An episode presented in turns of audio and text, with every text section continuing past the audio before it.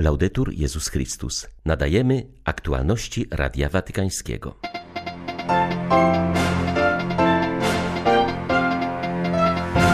Dzięki muzyce sakralnej Słowo Boże lepiej może dotrzeć do serc i umysłów wierzących, powiedział papież do uczestników Watykańskiego Kongresu o Muzyce. Braterstwo jest nowym wyznacznikiem ludzkości, powiedział papież z okazji obchodzonego dziś po raz pierwszy Międzynarodowego Dnia Braterstwa. Po zamachu stanu w Birmie kardynał Charles Bo apeluje o pokój, dialog i powrót do demokracji. 4 lutego witają Państwa ksiądz Krzysztof Ołtakowski i Łukasz Sośniak. Zapraszamy na serwis informacyjny. Na kluczowe znaczenie muzyki sakralnej w liturgii i ewangelizacji wskazał papież w wideoprzesłaniu do uczestników rozpoczętego dziś Międzynarodowego Kongresu o Muzyce, zorganizowanego przez Papieską Radę Kultury. Z konieczności odbywa się on w formie wirtualnej. Jego temat to Kościół i muzyka, teksty i konteksty. Franciszek zauważył, że zachętę do rozwijania muzyki sakralnej znajdujemy w Piśmie Świętym. Prorok Izajasz wzywa bowiem wierzących: śpiewajcie Panu pieśń nową. Jak wiadomo, Biblia zainspirowała niezliczone utwory muzyczne, w tym dzieła o fundamentalnym znaczeniu dla historii muzyki. Pomyślmy o chorale gregoriańskim, Palestrinie, Bachu. Także różni współcześni kompozytorzy konfrontują się z tekstami sakralnymi. Wiele wspólnot kościelnych interpretowały te teksty, czy to według nowych form muzycznych, czy też poprzez odkrycie dawnego dziedzictwa. Muzyczna spuścizna Kościoła jest dość różnorodna i może służyć nie tylko liturgii, lecz można ją wykonywać na koncertach, w szkole i katechezie, a nawet w teatrze. Papież zauważył, że dobry muzyk zna wartość ciszy, naprzemienne występowanie dźwięku i ciszy jest płodne, umożliwia słuchanie. W liturgii mamy słuchać Słowa Bożego, ono jest naszym zasadniczym tekstem, a kontekst stanowi wspólnota. Słowo jest źródłem sensu, oświeca i prowadzi wspólnotę na jej drodze, powiedział Franciszek, podkreślając, że muzyka może pomóc tekstom biblijnym, aby bardziej skutecznie dotarły do umysłów i serc. Przemawiając do uczestników Watykańskiego Kongresu o Muzyce, Franciszek odniósł się również do problemów, które w środowisku muzycznym spowodowała pandemia. Wiemy od samego początku pandemii COVID-19, aktywność na polu muzycznym została poważnie ograniczona. Myślę o wszystkich, których to dotknęło, o muzykach, których życie i praca zawodowa zostały zakłócone przez wymogi restrykcji, o tych, którzy stracili pracę i kontakty społeczne. Wielu z nich poświęciło wiele wysiłku, aby nadal nadal służyć muzyką z nową kreatywnością. Mam nadzieję, że i ten aspekt życia społecznego będzie mógł się odrodzić, że powrócimy do śpiewania i grania, do wspólnego cieszenia się muzyką i śpiewem.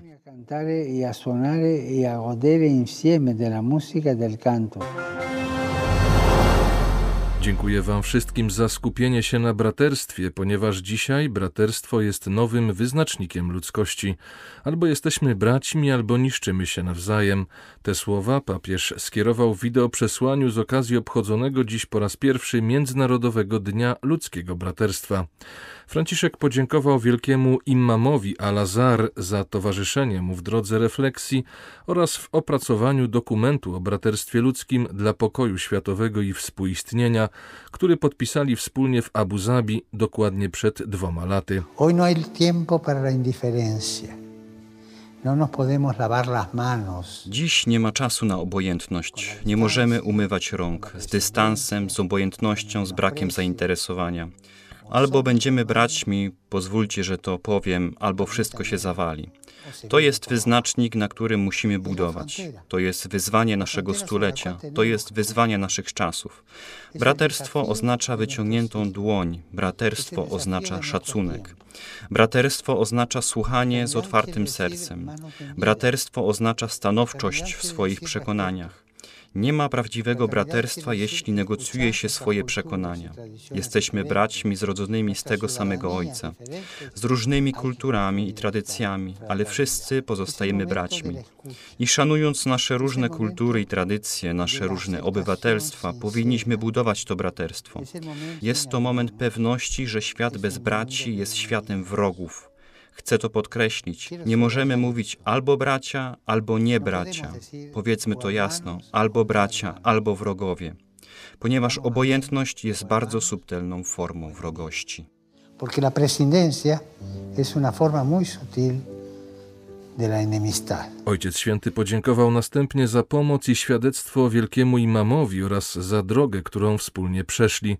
Wyraził wdzięczność laureatom przyznanej dziś po raz pierwszy nagrody Zajeda, sekretarzowi generalnemu ONZ, za wszystkie jego wysiłki na rzecz pokoju, który może być osiągnięty jedynie dzięki braterskiemu sercu. Franciszek zwrócił się także do Latify ibn Zeyten, podkreślając, że jej przesłanie o braterstwie nie jest jedynie pogłoską lub deklaracją, ale wynika z najgłębszego przekonania ukształtowanego w bólu oraz w ranach. Papież podziękował, że pozostając matką swojego zabitego syna, jest również matką wielu chłopców i dziewcząt, że jest matką tej ludzkości, która jej słucha i uczy się od niej, że albo pójdziemy drogą braterstwa, albo stracimy wszystko. Nagroda honoruje przede wszystkim tych, którzy budują mosty łączące podzielone narody, umacniając relacje międzyludzkie oraz działają na rzecz zapewnienia wolności i bezpieczeństwa dla wszystkich. Latifa ibn Zeyten jest matką pięciorga dzieci i założycielką Stowarzyszenia na Rzecz Młodzieży i Pokoju, które nosi imię jej syna Imada. Został on zamordowany przez terrorystów pod Tuluzą w 2012 roku. Jako matka potrafiła przekształcić swój ból w pragnienie niesienia pomocy młodym ludziom. Od czasu założenia stowarzyszenia Latifa podróżuje po całym świecie, aby opowiadać swoją historię i spotykać się z młodymi ludźmi. Ma nadzieję, że przyczyni się do zachowania harmonii społecznej między starszym i młodszym pokoleniem, a także między osobami pochodzenia francuskiego i migrantami. Oto co po decyzji o przyznaniu nagrody powiedziała Radiu Watykańskiemu Latifa Imd Zeyten. Otrzymanie tej nagrody jest dla mnie powodem do szczęścia i nadziei, pomimo głębokiej rany, którą noszę w swoim sercu. To pomoże mi jeszcze bardziej zwrócić się i wyciągnąć rękę do młodych ludzi. Czuję się jeszcze bardziej zmotywowana do działania na rzecz pokoju i braterstwa. Nagroda bardzo mi pomoże, ponieważ realizuję wiele projektów edukacyjnych. Zabieram ze sobą grupy młodych ludzi za granicę. Udajemy się do Izraela, Palestyny, do Maroka, do różnych krajów europejskich, aby ukazywać i dzielić się doświadczeniem wspólnego życia i przez to zmieniać nastawienie jedni do drugich oraz kształtować postawę wzajemnego szacunku dla różnic, które nas dzielą.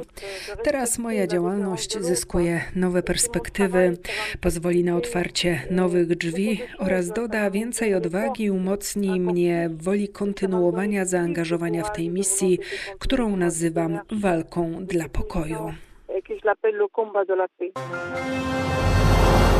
Niger, Mali Burkina Faso znajdują się w centrum prawdziwej katastrofy humanitarnej. Panujący tam totalny chaos i konflikty spowodowały tylko w samym 2020 roku śmierć około 5 tysięcy osób, a prawie półtora miliona zostało przesiedlonych.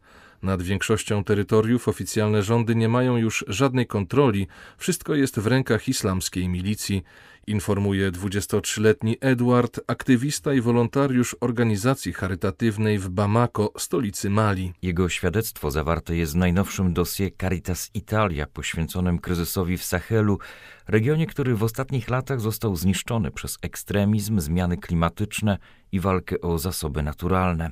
Ucierpiały zwłaszcza Niger, Mali i Burkina Faso, które znajdują się w centrum prawdziwej katastrofy humanitarnej. Brak bezpieczeństwa żywnościowego dotknął niemal 4 miliony osób. Ofiary ataków terrorystycznych, czyli setki tysięcy rodzin, porzucają swe domy z rozległych terytoriów, których rządy od pewnego czasu nie potrafią kontrolować. Obecny kryzys humanitarny, brak skutecznej interwencji państw zaangażowanych stwarza przestrzeń, która została zagospodarowana przez dżihadystów. Rozrasta się władza państwa islamskiego Wielkiej Sahary, która uderza głównie w cywilów, terroryzując i zabijając opornych, opodatkowując uległych, czyli ściągając haracz nie do udźwignięcia przez biedotę Sahelu. Dżihadyści sieją w ten sposób spustoszenie i zniszczenie na swej drodze. Na Węgrzech rozgorzała dyskusja na temat zgodności aborcji eugenicznej z konstytucją tego kraju, która gwarantuje każdemu człowiekowi prawo do życia od momentu poczęcia. Debatę wywołali rodzice niepełnosprawnego dziecka, którzy pozwali jeden ze szpitali za to, że w odpowiednim czasie nie zdiagnozował wady ich dziecka, a przez to uniemożliwił im aborcję eugeniczną. Aborcja na życzenie jest legalna na Węgrzech do 12 tygodnia ciąży, a aborcja eugeniczna do 20, a nawet do 24 w przypadku przedłużającej się diagnostyki. Można jej dokonać, jeśli istnieje co najmniej 50% ryzyko, że dziecko będzie miało przynajmniej jedną z tak zwanych eugenicznych wad płodu. Mówi o tym ustawa o ochronie życia płodowego z 1992 roku. Rozpatrując skargę rodziców, Sąd Okręgowy w Budapeszcie uznał jednak, że nie może zastosować tej ustawy ze względu na jej niekonstytucyjność. Węgierska ustawa zasadnicza mówi bowiem, że każdy człowiek ma prawo do życia od momentu poczęcia. Skarga rodziców z tytułu odpowiedzialności cywilnej stała się zatem kwestią, którą bada teraz Trybunał Konstytucyjny. Pokój jest możliwy i jest jedyną drogą, a demokracja jest światłem na tej drodze. Tymi słowami zwraca się do obywateli Birmy i społeczności międzynarodowej kardynał Charles Bo w przesłaniu opublikowanym dwa dni po wojskowym zamachu stanu, który obalił demokratycznie wybrane birmańskie władze. Arcybiskup Rangonu apeluje do birmańskiej armii, która dokonała puczu o spokój i niepoddawanie się pokusie przemocy.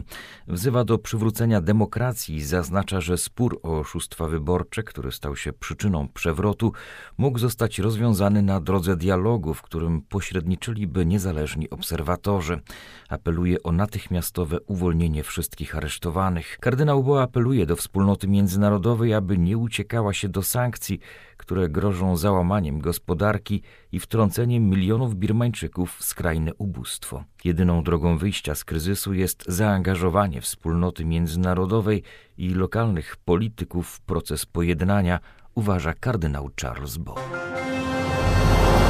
Prymas Węgier nie traci nadziei, że planowany na wrzesień Międzynarodowy Kongres Eucharystyczny w Budapeszcie i wizyta z tej okazji papieża Franciszka dojdą do skutku. Kardynał Peter Erdy podkreśla, że w obliczu przedłużającej się pandemii wydarzenie to będzie wielkim znakiem nadziei dla świata. Kardynał Erde wyznaje, że wciąż jest ogromne zainteresowanie kongresem eucharystycznym.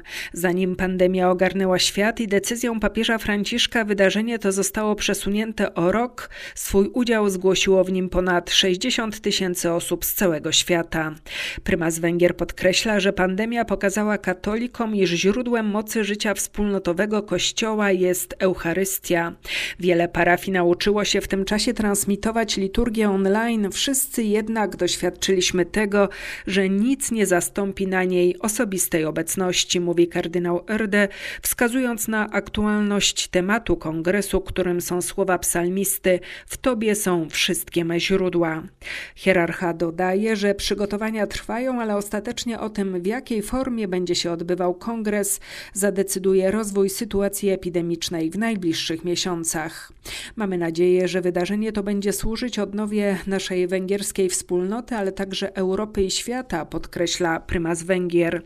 Wyraża nadzieję na obecność Franciszka, jeśli bowiem będzie możliwa marcowa wizyta papieża w Iraku, to i Budapeszt nie powinien być przeszkodą. Były to aktualności Radia Watykańskiego. Laudetur Jezus Chrystus.